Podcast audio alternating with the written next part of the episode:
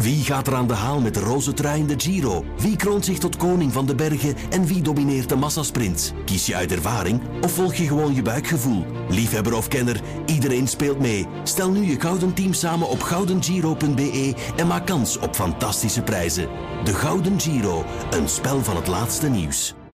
Elke dinsdag hoor je Lievenscheiren in de Q-ochtendshow bij Maarten en Dorothee. Hij kent alle antwoorden op de vaak complexe waarom-vragen die kinderen stellen. Waarom? Daarom. Dag lieven, goedemorgen. Een zeer goedemorgen. Hoe is het? Uh, uh, prachtig. Prachtig. En met jullie? Prachtig. Ja, eigenlijk. Ja. Ja? Mag je niet klagen. Nee, en het is ook een extra korte week. Hemelvaart en zo. Ja, voor Drie- veel mensen. Hè. Drie dagen werkweek, zo zou het toch altijd moeten zijn eigenlijk. Dat was, to- dat was toch altijd zo aangenaam aan het derde semester in het middelbaar, dat daar zoveel gaten in vielen. Hè. Dat, dat, was Ja. toch, dat was ik altijd blij mee. Nog een Pinkstermaandag ook. Voilà. Ja, 1 mei hebben we dit jaar niet gehad, helaas. Echt zo al hinkstap springend over de verlofdagen richting zomervakantie. Ja, en Beetje dan die vibe. die laatste examens en dan eindelijk verlost. Leerkrachten Ja. die aan het vloeken waren dat ze niks van hun les gezien kregen, omdat alles net op hun lesdagen viel. Ja. Dat Dat is juist. Ja, dingen. ja, ja. Dus ik ben al lang blij dat er geen feestdag op een dinsdag valt. Nee. Lieve, want anders moeten wij jou een missen. Ja. En dan zou het antwoord op deze fantastische vraag ons onthouden blijven. Waarom heeft een mannetjespauw zoveel kleuren en een vrouwtjespauw niet? Ik vind het een heel goede vraag van Olivia, zes jaar uit Willebroek. Olivia stelt zich hier een vraag die eigenlijk meer dan 100 jaar geleden al een wetenschapper uit zijn slaap hield. Dat was Charles Darwin. Die lag echt wakker van waarom in mijn evolutietheorie heeft de pauw nu zoiets loemp ontwikkeld als die staart? Ja, de mannetjespauw heeft die prachtige staart eh, waarmee hij heel mooi kan pronken, maar die maakt hem natuurlijk ook kwetsbaarder voor roofdieren. Welk roofdier jaagt op de pauw in het natuurlijke habitat? De vos. Nee, we zitten in, want de pauw is bij ons ingevoerd. Ah ja. We komen uit eh, eh, Zuidoost-Azië, denk ik. Ah, ik weet het Het is groot, het is indrukwekkend. niet. Eh, Denk aan India. Eh, zitten daar olifanten? Nee, of wel? De- nee. Ja, de olifant, maar die eet geen pauw. Nee. Dat is zo. Wat een beeld. Tijger? Ja! Ah, De tijger. De tijger jaagt op de pauw. Ja, maar zie, ik geef altijd belachelijke antwoorden als Lieve iets Ik vraagt. wel een fantastisch beeld, zo'n een olifant in een pauw aan het opfretten. Ja, zo die slurf met die kop omhoog. Zo, ik dacht, kan toch? Ja, voilà. Er staan prachtige filmpjes van op YouTube van eh, tijgers die pauwen proberen pakken. En dan merk je ook dat zo'n mannetjespauw, als die aangevallen wordt, dat die heel snel de staart opgevouwen heeft en toch weer weg is. Dus krijg je toch niet vast.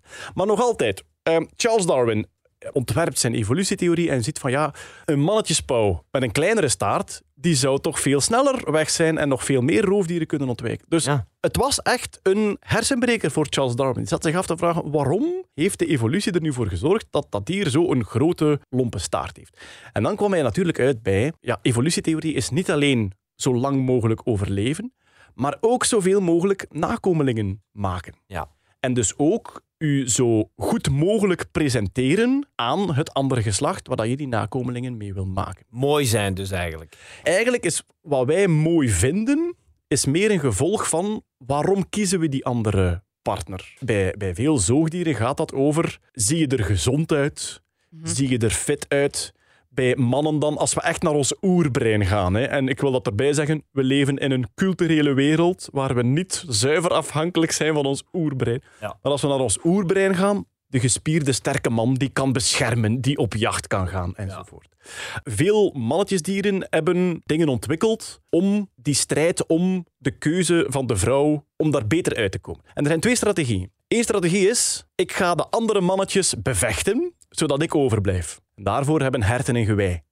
Bij de pauw is het anders. Die toont eigenlijk zijn staart om gekozen te worden door het vrouwtje.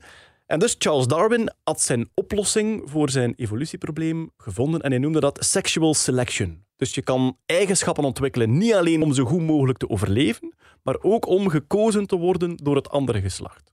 Maar nu komen we terug bij de vraag van Olivia: waarom heeft die mannetjespauw dan zo'n mooie staart en dat vrouwtje niet? En dan komen we bij iets heel boeiend bij het man-vrouw verschil bij dieren in de natuur. De meeste vrouwtjesdieren moeten veel meer tijd en energie investeren in een nageslacht, als het gaat over een zwangerschap of het ontwikkelen van eieren, dan die mannetjesdieren die eigenlijk gewoon maar zaadcellen moeten verspreiden. Dan zitten we ook weer bij zo oerbreintheorieën. Voor mannetjesdieren is het eigenlijk vrij nuttig en geen enkel probleem om zoveel mogelijk te paren overal om u heen, omdat je toch uw genen verspreidt.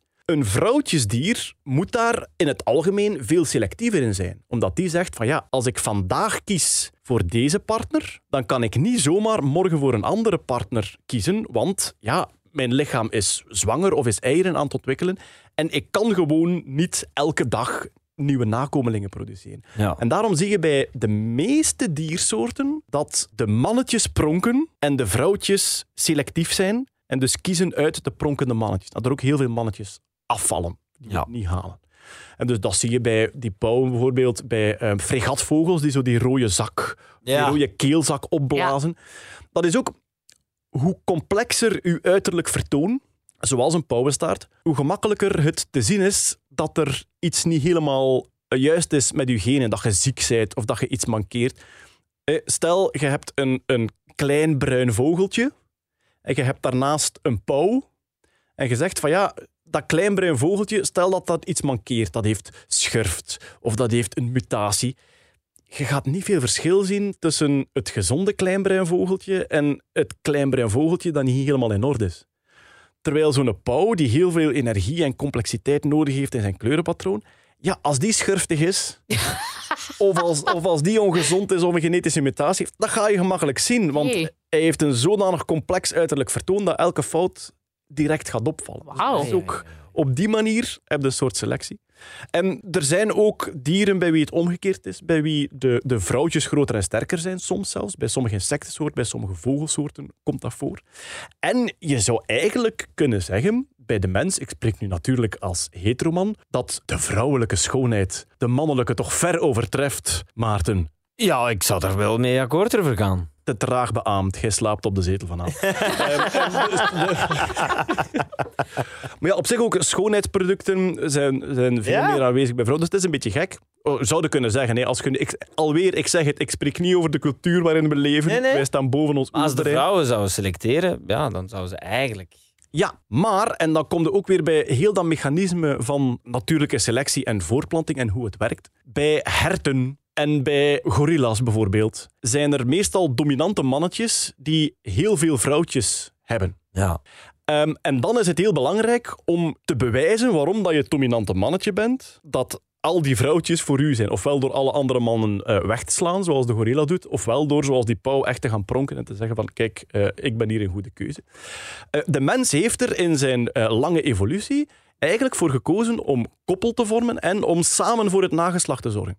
Dus die tijdsinvestering die bij andere zoogdieren voornamelijk voor het vrouwtjesdier is, die wordt bij de mens door cultureel te gaan zeggen van oké, wij gaan samen voor ons nageslacht zorgen, ga dan gaan zeggen van ja, uw nageslacht heeft veel meer kans op succes als daar samen voor gezocht wordt. En daardoor wordt die keuze voor de partner, voor de man, ook weer een veel groter commitment. Het is bij ons cultureel en maatschappelijk niet de bedoeling dat je als man als levensdoel hebt ik ga zoveel mogelijk vrouwen bezwangeren en die dan achterlaten. Maar mocht dat je doel zijn, zou je er minder mee bezig zijn. Mocht dat uw doel zijn, dan zou je als man er zoveel mogelijk aan doen om te gaan pronken en Ja. om, om te gaan fitnessen en, en groot en gespierd en gelijk wat te zijn. Maar dus, ja, bij mensen is de, de keuze wederzijds. Hè, en is ook, Ja. Bij mensen wordt er eigenlijk ook een groot commitment van de man verwacht. Ik spreek in ideaalbeelden. Hè, en Ja, ja, ja. prachtige, monogame, niet bedriegende sa- samenleving Ja. waarin wij eh, groot worden. Maar dus eigenlijk heel dat systeem van partnerkeuze en wanneer dat nuttig is in natuurlijke selectie hangt af van zoveel verschillende factoren. En is eigenlijk iets, ja, iets, iets heel complex. En ik vind iets heel boeiend om te bestuderen. Maar dus, samengevat. Waarom heeft een mannetjespauw zoveel kleuren en een vrouwtjespauw niet?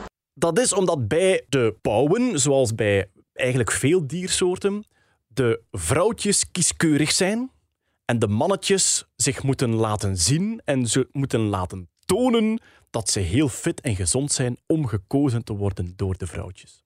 Dankjewel, lieve Scheire, voor deze uitgebreide uitleg die ik uitermate interessant vond. En dank u wel, Charles Darwin. Ik heb er zin om te pronken. Oei, ja. Oei. Nee, nee, dat is niet waar. Dit was Waarom Daarom. Luister ook naar de andere afleveringen van deze podcast. Maarten en Dorothee hoor je elke ochtend van 6 tot 10 bij Q-Music.